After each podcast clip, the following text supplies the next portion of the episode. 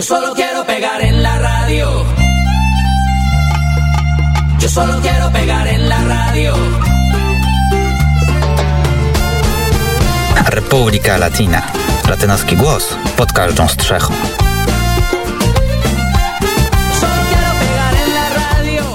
Godzina 19.13 na naszych zegarach. Witam Państwa bardzo serdecznie. Jaśmina Nowak, a ten latynoski głos. Dzisiaj pod strzechą Radia Wnet Zbyszek Dąbrowski, gospodarz studia Republika Latina. Dobry wieczór. E, dobry wieczór, buenas noches. W zasadzie można było powiedzieć nawet jeszcze buenas tardes, bo jest dosyć jasno. Także no właśnie, tego, także się... jeszcze można powiedzieć prawie dzień, ale pora już e, wieczorna, więc To mój prawda. buenas tardes. No i cóż Zbyszku, oddaję Ci głos. Dziękuję bardzo. Jak co tydzień w środę Również i dzisiaj e, seria e, informacji z tej pięknej części świata. Przepraszam Państwa, musiałem sobie, że tak powiem, na, naregulować głośność, żeby siebie słyszeć i słyszeć te wszystkie androny, które wygaduję.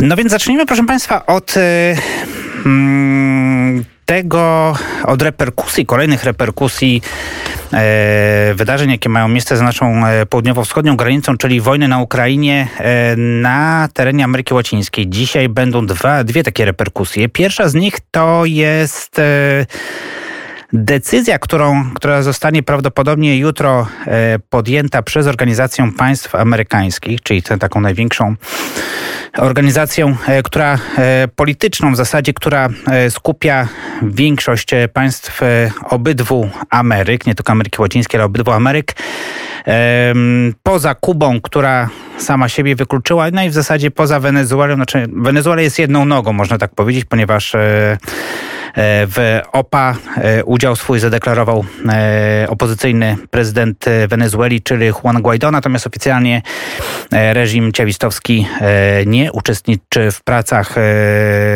OPA. E, No i jeszcze tak jedną nogą są Nikaraguańczycy, bo też chcą z, tego, z tej organizacji wyjść. W każdym razie, e, powracając do sedna sprawy, OPA e, jutro ma zdecydować, e, czy zawiesić e, Rosję jako stałego obserwatora w związku z jej inwazją na Ukrainę. I tak, e, takie oświadczenie zostało wydane w dniu wczorajszym. E, Taki wniosek e, został e, złożony przez dwóch, dwóch członków OPA, czyli Gwatemalę oraz Antiguę i Barbudę. Został on wsparty również przez Stany Zjednoczone, Kolumbię, Urugwaj, Kanadę i Grenadę. E, Została zwołana specjalna sesja w celu rozpatrzenia projektu rezolucji o nazwie Zawieszenie statusu Federacji Rosyjskiej jako stałego obserwatora przy Organizacji Państw Amerykańskich. Mm, Dodam Państwu również, że pod koniec marca ta organizacja przyjęła rezolucję wzywającą do zaprzestania działań, które mogą stanowić zbrodnie wojenne na Ukrainie. E, Ta rezolucja została przyjęta 20 e, głosami za, nie było głosów e, przeciw. E, Na 34 aktywnych członków tejże organizacji wstrzymało się tylko 5 państw. E, Były to Brazylia, Boliwia, Salwador, Honduras oraz San Vicent i Grenadyny. E, I cóż, w tej sesji uczestniczyła również ambasador Ukrainy e, w Stanach Zjednoczonych, pani Oksana Markarowa, która również wówczas z, zwróciła się do OPA z prośbą o rozważenie możliwości odebrania Rosji statusu stałego obserwatora. Jak potoczą się, e, jaka decyzja e, zapadnie, o tym dowiemy się jutro. E, To taka była taka informacja ogólna, natomiast teraz skupmy się na Kolumbii, na kampanii wyborczej. Przypomnę Państwu, że pod koniec maja tego roku odbędą się wybory prezydenckie w tym kraju i jeden z kandydatów, w zasadzie najmocniejszy kandydat w tej chwili, czyli Gustavo Petro, reprezentujący lewicę, by, były partyzant również no to jest polityk, do którego jest bardzo dużo różnych pytań i wątpliwości, czy rzeczywiście jest on najlepszym kandydatem na to stanowisko. Natomiast, proszę Państwa, również pojawiają się podejrzenia, że Gustavo Petro mógł być finansowany przez reżim Hugo Chaveza, zwłaszcza Hugo Chaveza, ale również obecnie przez Nicolasa Maduro. Taką e, plotkę e, ogłosił innymi były generał wenezuelski Hugo Carvajal alias El Podio.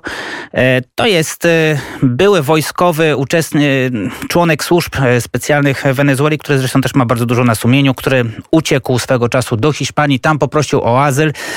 Natomiast o Hugo Carvajala upomniały się Stany Zjednoczone, żeby tam poszedł przed sąd, no i tam się ewentualnie mógł wyspowiadać, nazwijmy to tak, oczyścić się ewentualnie od wszelkich zarzutów.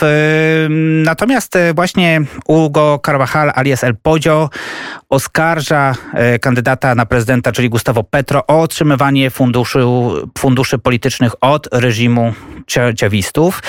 No i e, Tutaj mówi się, że te oskarżenia e, padły również dlatego, żeby, że Hugo Carvajal sam chce się oczyścić i ewentualnie uniknąć e, ekstradycji do Stanów Zjednoczonych. Natomiast sam z kolei e, Gustavo Petros w obliczu tych oskarżeń zwrócił się do Sądu Najwyższego Kolumbii o wszczęcie dochodzenia, aby zaprzeczyć temu, co powiedział Carvajal. Ten wniosek został przyjęty i oczekuje się, że w dniu jutrzejszym, czyli 21 kwietnia, kolumbijski wymiar sprawiedliwości będzie mógł wyjaśnić, czy te oskarżenia są prawdziwe, czy są fałszywe. Ze swojej strony, jeżeli mogę e, pokusić się tutaj o jakiś e, komentarz, no, życzyłbym mimo wszystko Gustavo Petro, żeby te oskarżenia okazały się fałszywe, natomiast zwłaszcza biorąc pod uwagę, że sam e, obecnie reżim wenezuelski nie bardzo darzy go sympatią. Z drugiej strony, proszę Państwa, tak jak wspominałem Państwu wielokrotnie, zmiana polityczna mm, w Kolumbii jest potrzebna na działacza, nazwijmy to polityka, nazwijmy to bardzo bardziej prospołecznego, proekologicznego również. No i polityka, który będzie chciał ewentualnie rozmawiać z ugrupowaniami partyzanckimi, zwłaszcza z ELN, o ewentualnym pokoju, no i który będzie naprawdę usiłował e, dojść do tego, żeby w Kolumbii zapanował pokój, co moim zdaniem jest e, niestety w zasadzie niewykona, niewykonalne, chociaż oczywiście życzę wszystkiego najlepszego. E, z tym, że z drugiej strony, proszę Państwa, Gustavo Petro, hmm, tu pojawia się naprawdę bardzo duży znak zapytania przy jego nazwisku. Ja myślę, że jego, e, jego osoba jeszcze będzie się pojawiać, e, czy tutaj e, w serwisach na antenie Radia Wnet, czy w Republika Latina, na pewno przed wyborami w Kolumbii,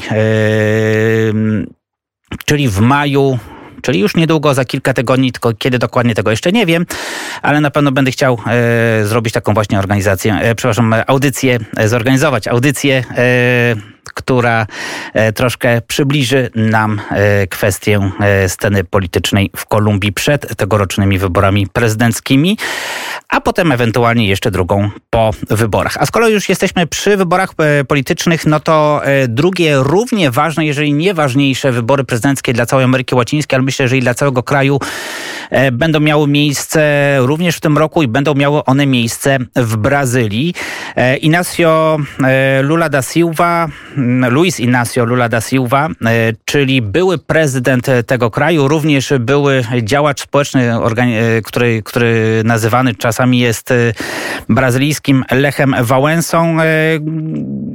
Polityk, który no, na pewno ma bardzo dużo, bardzo dużo dobrego zrobił dla, dla Brazylii, ale który również był podejrzewany, na nim padały oskarżenia o przyjmowanie łapówek tutaj związane z jedną z taką największych korumpujących e, firm e, w całej Ameryce Łacińskiej, czyli e, firmie budowlanej brazylijskiej Odebrecht. Otóż Luis Inácio Lula da Silva ostatecznie potwierdził swoją prekandydaturę w wyborach prezydenckich w tym kraju. Jak powiedział, jestem przyzwyczajony do udziału w wyborach. Myślę, że mamy dobre wyniki w zakresie rządów. 7 maja odbędzie się inauguracja mojej prekandydatury, a potem chcę zwiedzić Brazylię. Również też Luis Inácio Lula da Silva e, powiedział bardzo ważną rzecz moim zdaniem dla Brazylii, a zwłaszcza dla ludności rdzennej Brazylii, ale również i dla, e, dla ekologii Brazylii. Otóż w dniu, w dniu wczorajszym obiecał on, że jeżeli wygra wybory, cofnie decyzję obecnego prezydenta, czyli Jaira Bolsonaru, które mają wpływ na ludność rdzenną, e, w tym te, które promują wydobycie na jej ziemiach e, rozmaitych minerałów. Lewicowy polityk się, zobowiązał się również, że jeżeli odzyska stanowisko, które piastował w latach 2003-2010, mianuje członka rdzennej ludności, czyli po prostu ludności indyjskiej, ministrem do spraw tejże ludności. E, jak powiedział on, około 7 tysiącom członków grup indyjskich zgromadzonych w stolicy kraju, czyli mieście Brasilia, że każdy dekret Bolsonaro, który stwarza problemy, będzie musiał, natych, będzie musiał być natychmiast odwołany.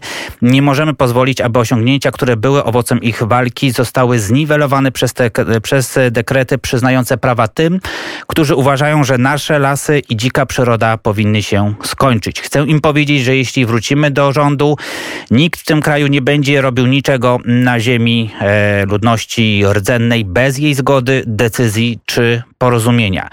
E, z kolei sam e, Jair Bolsonaro, obecny prezydent e, Brazylii, twierdzi, że działalność gospodarcza nie powinna być hamowana przez kwestie związane z ochroną środowiska czy prawami człowieka i podkreśla, że ludność rdzenna sama skorzystałaby na otwarciu swoich terenów dla górnictwa.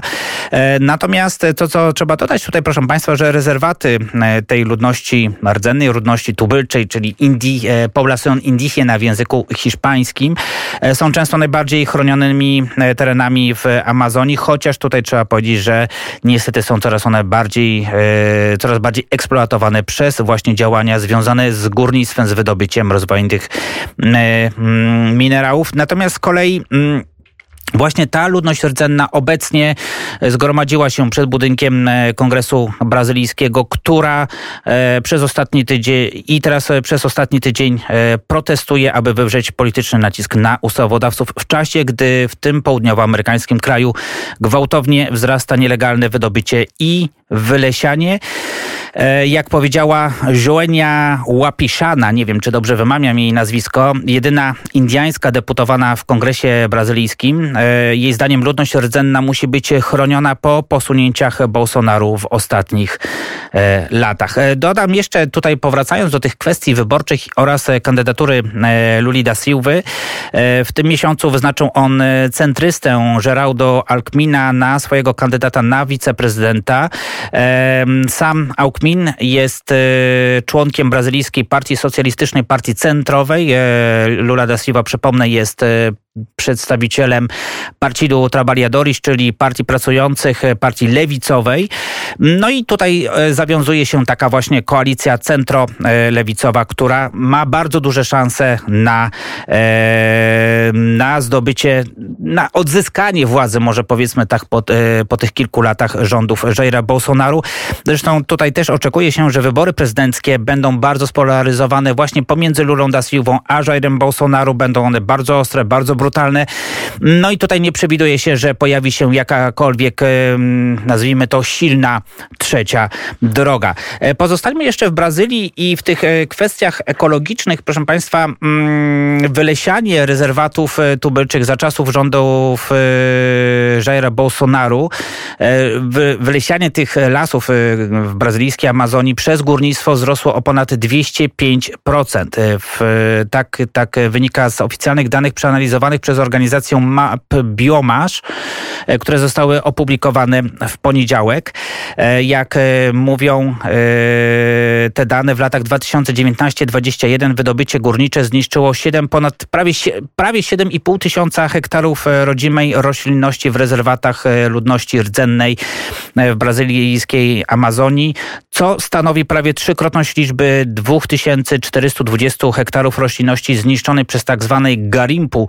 To się od takim e, tym, tym um, tym tytułem określa się e, rolnictwo, e, przepraszam, górnictwo nieprzemysłowe, tylko takie nazwijmy to rzemieślnicze, może troszkę takie, takie, takie słowo, może, może nie jest to najlepsze słowo, ale, ale, ale takie słowo właśnie jest. W latach 2016-2018 mm,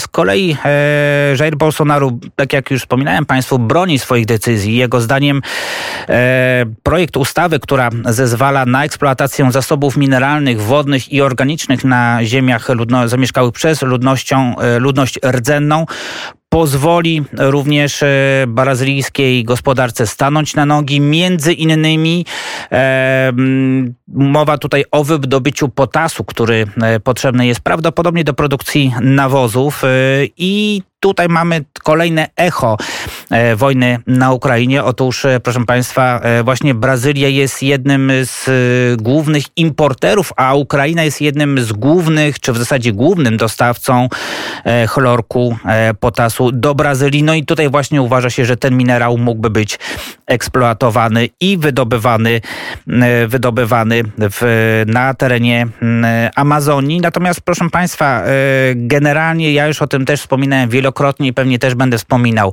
Te działania być może są, być może mm, są korzystne dla gospodarki Brazylii, być może, natomiast są na pewno bardzo niekorzystne dla całego świata, dla systemu ekologicznego całego świata. Nie wspominam tutaj oczywiście też o szkodach, jakie prowadzą, e, do jakich prowadzi taka działalność dla, e, wobec ludności rdzennej. Tutaj zwłaszcza e, warto wspomnieć o grupach etnicznych takich jak Kajapo oraz Mundur Ruku e, zamieszkujących stan Para oraz e, grupę Yanomami, która zamieszkuje e, brazylijskie stany Amazonas i Roraima.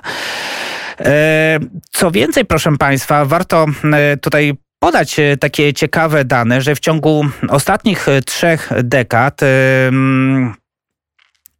w, polityka wylesiania na terenach e, rezerwatów zamieszkanych przez ludność tubylczą, ludność rdzenną, czyli właśnie ludność indiańską, e, dzięki tej polityce utracono zaledwie 1% e, roślinności, która tam rosła. Natomiast na terenach prywatnych taka polityka wylesiania przyniosła straty rzędu ponad 20%. Dlaczego? Dlatego, proszę Państwa, że mm, ludność rdzenna posiada zdolność ochrony środowiska naturalnego oraz jak gdyby rekuperacji tych e, zasobów leśnych, które wcześniej zostały zużyte prawdopodobnie przez, e, prawdopodobnie na rolnictwo, dosyć prymitywne oczywiście, ale generalnie Tutaj nikt nie mówi o jakichś wielkich projektach związanych z rolnictwem czy hodowlą, ponieważ jest to tylko rolnictwo na e, własne potrzeby. No i tutaj jeszcze warto e, przytoczyć zdanie pana Tasso Azevedu, koordynatora z grupy MAP, e, z organizacji MAP Biomasz, o której przed chwilą wspominałem. Jego zdaniem lasy odgrywają kluczową rolę w regulacji klimatu na naszej planecie, ale jeśli nadal będą tracić zdolność do regeneracji, osiągną punkt bez powrotu. Jego zdaniem drzewa pobierają wilgoć z ziemi, a następnie przez oddychanie i ewapo, ewapotranspirację, trudne słowo, uwalniają ją do powietrza powietrza, które staje się latającymi rzekami utrzymującymi poziom wilgotności e, w lasach deszczowych i całej Brazylii. Natomiast jeżeli obecne tempo wylesiania utrzyma się, taki punkt krytyczny może zostać osiągnięty przed rokiem 2050. I pozostaniemy jeszcze w temacie wydobycia e, surowców mineralnych. E, takim surowcem, który obecnie jest bardzo wysoko ceniony na rynkach światowych jest lit. O tym nie trzeba chyba wspominać dlaczego. I uważa się, że takie zasoby litu mogą znajdować się również na terenie Meksyku.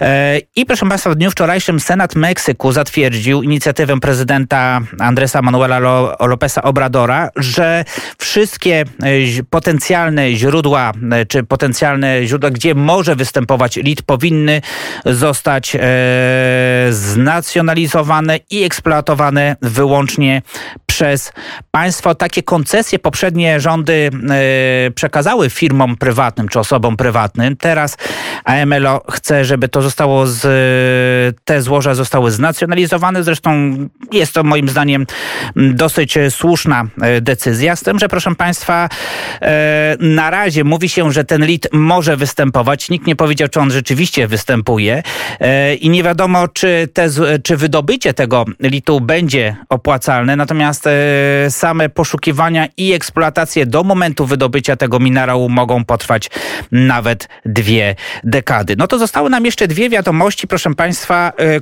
Kuba i Wenezuela. Zacznijmy od Kuby.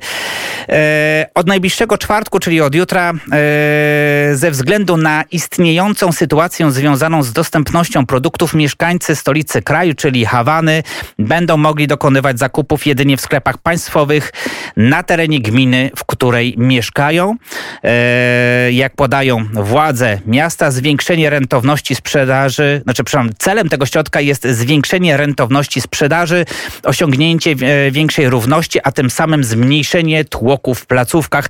W ten sposób wszystkie produkty w sklepach sieci Caribe i, Cimex, które są obydwie własnością państwa, będą kontrolowane i regulowane przez rząd, natomiast zakupy będą rejestrowane w tak zwanych książeczkach zaopatrzenia obywateli. Dla tych z Państwa, którzy nie byli na Kubie lub którzy nie słyszeli o tym, każdy Kubańczyk, dorosły Kubańczyk dostaje taką, znaczy dziecko chyba też, ale oczywiście no, każdy dorosły Kubańczyk może z tego korzystać, tak zwaną książeczkę zaopatrzenia. To jest, proszę Państwa, ni mniej, ni więcej, tylko, tylko znane z epoki komunizmu kartki, tylko w formie takiej właśnie książeczki z przydziałem. Ja już nie pamiętam na ile czasu taka książeczka starcza, czy to jest co miesiąc, czy to jest co chyba co pół roku bodajże. E, przypomnę Państwu, że e, reżim kubański dba o to, żeby Kubańczycy nie umarli z głodu i nie chodzili nadzy. Jednym słowem, e, Każdemu Kubańczykowi codziennie przysługuje jedna bułka, a resztę, jeżeli chce sobie kupić, no to już musi kupić sobie w sklepach komercyjnych, co po znacznie wyższych spodniach, e, proszę, znacznie wyższych cenach, natomiast e, przysługuje też e, para spodni e, raz na pół roku. E, mężczyznom, kobietom zapewne co innego. E, to też nie są jakieś ubrania mm, super jakości, natomiast no weźcie Państwo pod uwagę, że to są tylko takie ruchy pozorne i jeżeli ktoś chciałby rzeczywiście coś lepszego sobie kupić, to po prostu musi kupować mm, w sklepach komercyjnych, takie, gdzie, tak jak powiedziałem Państwu, te ceny są znacznie wyższe. Bardzo często mamy również do czynienia mm, z, e, z cenami e, w dolarach. E, natomiast, proszę Państwa, te działania, o których przed chwilą Państwu wspomniałem, są niczym innym jak po prostu wynikiem kryzysu, w którym e, pogrąża się kubańska gospodarka, również z brakami zaopatrzeniowymi, brakami e, logistycznymi. E, uważa się, że mm, tutaj przynajmniej mówią, tak mówią władze wyspy, które chciałyby, żeby produkcja żywności na Kubie została zwiększona, bowiem obecnie ile tutaj mamy? 60, od około 60 do 70, proszę Państwa, procent spożywanej e, żywności przepraszam, spożywanej żywności na wyspie jest importowana i taki import e, tej żywności kosztuje e, władze kubańskie około 2 miliardów dolarów rocznie. Dodam Państwu również, że ten e, wymóg kupowania jedynie w sklepach położonych na terenie dane, danego municypium, danej gminy obowiązuje tylko w tych sklepach, nazwijmy to państwowych. Nie obowiązuje on w sklepach, które prowadzą sprzedaż w walutach obcych. E, jak możecie się Państwo domyślić, oczywiście nie wszyscy Kubańczycy mają do nich dostęp. No i na sam koniec, jak już mówimy o kupnie i sprzedaży, Wenezuela w dniu wczorajszym policja poinformowała, że zostały zaresztowane dwie osoby, mężczyzna 41-latek i dziewczyna 16-latka. Za co? Za oferowanie sprzedaży ludzkich organów na portalach społecznościowych. E, mówię, mowa tutaj oczywiście o nerkach. No i pytanie jest oczywiście, czy to są ich własne nerki, czy, czy niekoniecznie. Tego, tego to nie zostało, e, proszę Państwa, tutaj wyjaśnione. E, natomiast jak Państwo możecie się domyślić, taki biznes nielegalny no, jest źródłem dochodów owe dwie osoby, o których przed chwilą wspomniałem, nie są pierwszymi osobami, które zostały zaaresztowane przez policję Wenezueli właśnie za nielegalną sprzedaż e, narządów ludzkich. Niedawno zaaresztowano też kobietę, która usiłowała, e, znaczy, która w zasadzie usiłowała sprzedać ludzką nerkę za 20 tysięcy dolarów, co jak na warunki wenezuelskie jest olbrzymią e, kwotą. Dodam Państwu również, że nie ma oficjalnych danych na temat handlu organami w tym karaibskim kraju, który od e, prawie 10 lat przeżywa poważny kryzys gospodarczy i w którym tysiące ludzi codziennie boryka się z brakiem leków na choroby przewlekłe, w tym choroby nerek oraz ograniczoną liczbę miejsc do dializ. E, państwowy program przeszczepiania narządów przestał działać w roku 2017. Rząd Wenezueli twierdzi, że zawieszenie programu jest spowodowane sankcjami gospodarczymi nałożonymi przez USA na ten kraj, ale kilka organizacji pozarządowych twierdzi, że program zaczął szwankować już od 2015 roku. A jeżeli mówimy o Wenezueli, ja nie wiem, czy y, tutaj zostało to przygotowane, czy nie, bo prosiłem Jaśmina, ale czy, czy, czy, czy, czy ten, czy utwór jest przygotowany, czy nie.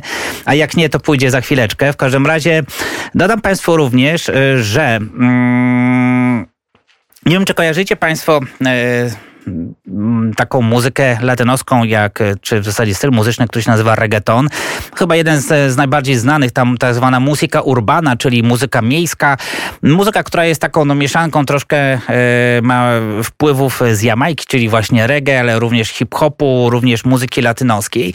E, jedną z gwiazd e, tej muzyki już może troszkę przebrzmiałą, bo już on należy powiedzmy do takiego średnio starszego pokolenia. E, jest e, artysta, e, który oficjalnie nazywa się Austin Agustin Santos. Znany jest on e, światu muzycznemu jako Arkanhiel, czyli e, jak się mówi e, jak to jest, no, ten taki więcej od anioła. A, Archanioł. Archanioł, o. Tak. Przepraszam, zapomniałem słowa. Czyli Archanioł po naszemu. Arkanhiel, który tak jak mówię, no w tej chwili już nie jest może tak znany, natomiast cały, znaczy może nie, mm, jego utwory nie są, czy może tak nie, nie, nie przewija się aż tak, jak to było powiedzmy 10 lat temu, gdzie rzeczywiście wyskakiwał z lodówki, telewizora, radia i, i, i konserwy, kiedy się ją otwierało.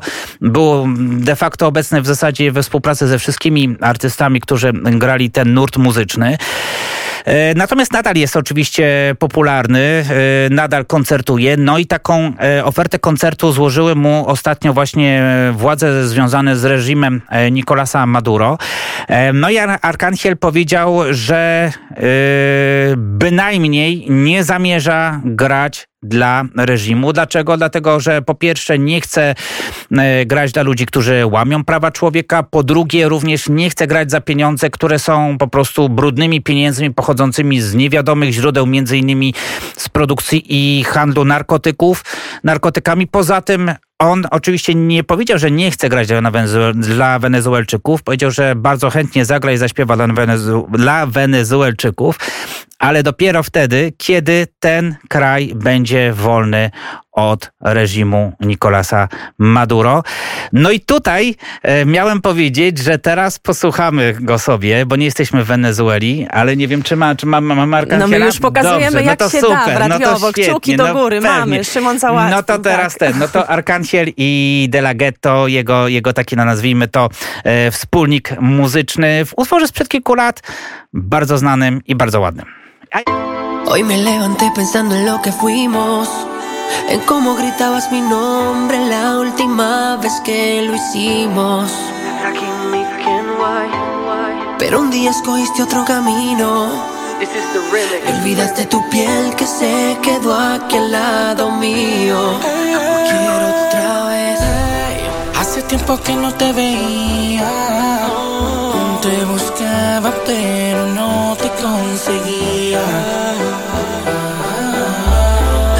cuando sonreír te hacía.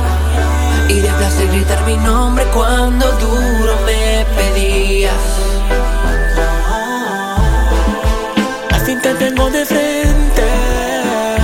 Revivamos hoy. Cada cena de su día. Quiero sentirme dentro de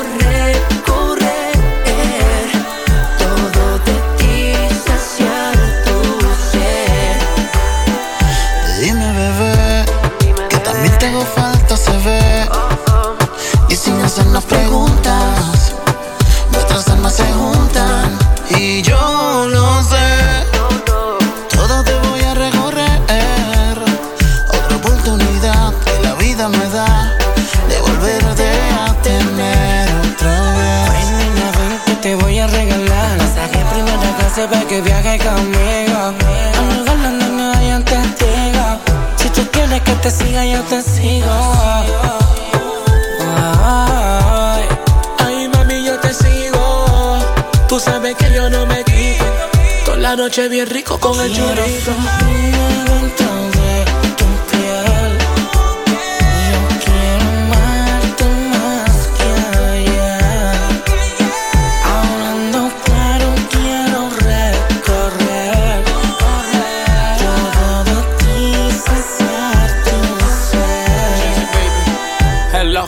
Me gusta color rosita como ese labio te queda. Su alma fría por dentro, pero caliente por fuera.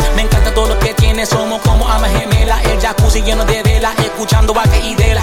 Dime dónde estás, que si tú quieres, mami, yo voy.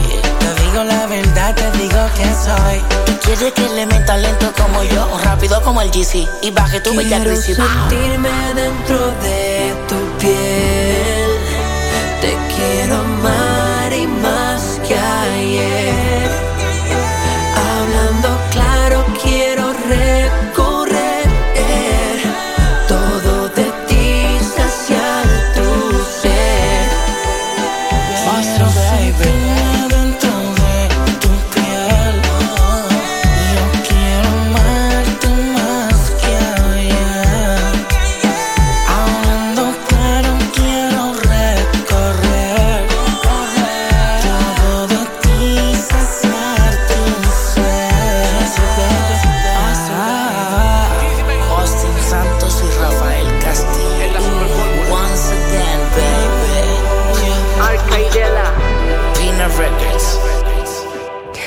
Drodzy Państwo, 19.44 na naszych e, zegarach i kilka jeszcze informacji, które cały czas na bieżąco są monitorowane i wrzucane przez naszą grupę, e, przez naszą grupę wschodnią. Muzeum Auschwitz-Birkenau poinformował o śmierci w Mariupolu 91-letniej Wandy Obietkowej. To jest ta kobieta, która w tej samej piwnicy, drodzy Państwo, schroniła się podczas okupacji i właśnie niemieckiej okupacji Holokaustu przetrwała, a teraz została brutalnie zamordowana przez rosyjskich żołnierzy i to są niestety te smutne informacje, ale my o nich musimy mówić, bo to jest obraz tych zbrodni e, wojennych, które są popełniane każdej godziny i niemalże już w większości miejsc, jeżeli mówimy o tej wschodniej Ukrainie. Tymczasem MSZ Rosji poinformowało, że od początku operacji specjalnych reżim kijowski przyciągnął na Ukrainę około 7 tysięcy zagranicznych najemników aż z 63 państw. To jest e, bardzo e, ciekawa informacja. Ponadto w obwodzie charkowskim SBU znalazła tajny rosyjski magazyn z amunicją i z komponentami do sprzętu wojskowego o wartości 200 milionów dolarów. Ponadto znaleziono 26 pocisków powietrza, Mm, a przewodniczący Rady Europejskiej Charles Michel przybył do administracji prezydenta, gdzie spotkał się z Wołodymyrem Zełęskim. Właśnie teraz mają omawiać sankcje wobec Rosji, obronność, a także wsparcie finansowe Ukrainy i przyjęcie Ukrainy oczywiście do szeregu Unii Europejskiej. Zełański przekazał także informację dotyczącą uzbrojenia Ukrainy, tego uzbrojenia, które cały czas przypływa od zachodnich państw. Powiedział, nasze stosunki w sprawie uzbrojenia z zachodu na Ukrainę naprawdę rozgrzały się, stały się bardzo jasne co do terminu dostawy tej czy innej broni. Jestem za to bardzo wdzięczny, czyli chodzi o to, że udało się więcej konkretów ustalić, konkretne daty na tą broń. Ukraina cały czas czeka i chyba wszyscy, chociaż się cieszymy z tych postępów, czy ze zmiany jakiejś narracji, stanowiska na przykład niemieckiego rządu, to chyba wszyscy też mamy taką świadomość w zderzeniu z tymi obrazami, z tymi informacjami, że to wszystko jest nieco za późno, że to są tygodnie opóźnień, że te refleksje przychodzą zdecydowanie. No miejmy nadzieję, że nie po czasie, chociaż pewno dla wielu osób na Ukrainie to już jest mm, teraz po czasie, więc mamy nadzieję, że teraz to wszystko będzie y, szybsze. Ale w studio cały czas jest jeszcze Zbyszek Dąbrowski. Także witam ponownie. I teraz na chwilę zmienimy mm, temat. Za nami święta Wielkiej Nocy. Na Ukrainie, jeżeli chodzi o prawosławnych, to oczywiście jeszcze te święta przed nimi, 24 Prawosławnych i grekokatolików i greko-kato- oczywiście, i grekokatolików także. Natomiast e, wiem, że ty święta wielkanocne kiedyś obchodziłeś e, właśnie na terenie Ameryki Łacińskiej. Gdzie dokładnie i jakie wspomnienia? Dokładnie to było w Chile i to było już bardzo dawno temu, bo 19 lat temu. E, I muszę powiedzieć, że rzeczywiście e, no to były chyba jedne z, najsympatyczniejszych świąt, jakie w życiu obchodziłem. No bo wiadomo, no, w domu rodzinnym święta są poza konkurencją. E, ja w Chile, no to był zresztą mój pierwszy wyjazd w ogóle do Ameryki Łacińskiej. Wtedy pojechałem zbierać materiały do mojej pracy magisterskiej na temat emigracji niemieckiej do tego kraju. Tu przypomnę Państwu, że emigracja niemiecka do Chile to jest e, mniej więcej czasokres, możemy mówić, e, druga połowa XIX wieku i pierwsza połowa XX wieku. To nie są ci osławieni e, nazistowscy zbrodniarze, którzy uciekli do Ameryki Łacińskiej, bo rzeczywiście tam część osób uciekła, ale to raczej mówimy o takich krajach jak Argentyna, Brazylia czy Paragwaj. Chile pod koniec II wojny światowej e, wypowiedziało również wojnę Niemcom i również te organizacje niemieckie na terenie Chile były e, szykanowane, ale tutaj właśnie zmierzam również do tego, że e, Wielkanoc spędziłem w rodzinie właśnie mm, Una familia chilena de descendencia alemana, czyli e, rodzinie niemie- e, chilijskiej z korzeniami niemieckimi. E, tak się akurat zdarzyło, że kiedy powróciłem z południa kraju do Santiago na kilka tygodni jeszcze, no, na prawie cały miesiąc, mieszkałem w domu pani, której Dziadkowie, czy nawet chyba pradziadkowie przybyli z Niemiec do Chile. Osiedlili się oni w dziesiątym regionie na południu kraju, czyli regionie Los Lagos. Natomiast e, sama pani przeniosła się mm, kilkanaście lat wcześniej do Santiago po prostu, żeby tam e, pracować. No i e, na święta przyjechała jej matka właśnie z dziesiątego regionu, już też starsza pani. Mm, przyszły również jej e, dzieci, znaczy w zasadzie e, dwóch synów, no bo córka mieszkała z nią, zresztą córeczka miała 10 lat, synowie no to już e, byli nawet nieco starsi ode mnie, tam mieli 20 parę lat, tak około 30. Natomiast, proszę Państwa, no w Ameryce Łacińskiej generalnie mm, nie ma takiego aspektu, nazwijmy to społecznego świąt Wielkiej Nocy, to jest raczej ten aspekt religijny.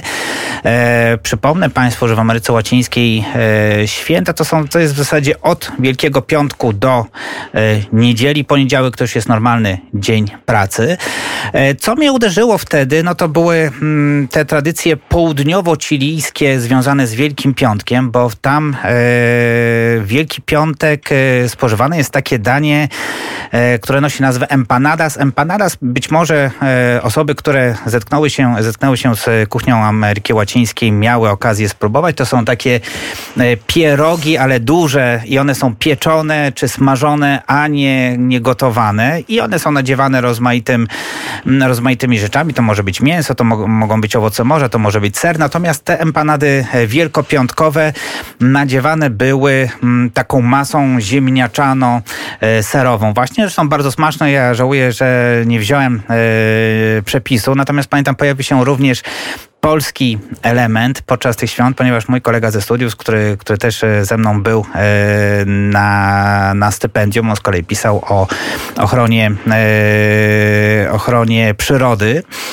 w południowym Chile, zadzwonił do swojego taty, no i poprosił o przepis na mazurek i ten mazurek udało nam się zrobić. To, że ten mazurek to pewnie z tym polskim to miało niewiele wspólnego, jeżeli się rozsypywał całkowicie, no bo użyliśmy mąki kukurydzianej zamiast mąki pszennej, no to, to, to no był taki, taki, taki mały szczególik, natomiast oczywiście, no i pisanki oczywiście też zrobiliśmy. Proszę Państwa, e, pisanki w dodatku w kolor, e, zabarwione na kolory w e, niemieckim supermarkecie, e, żeśmy znaleźli, znaczy w chilijskim supermarkecie, ale prowadzonym przez rodzinę niemiecką, może powiedzmy tak, można było dostać farbki do jajek, także takie pisanki żeśmy też zrobili.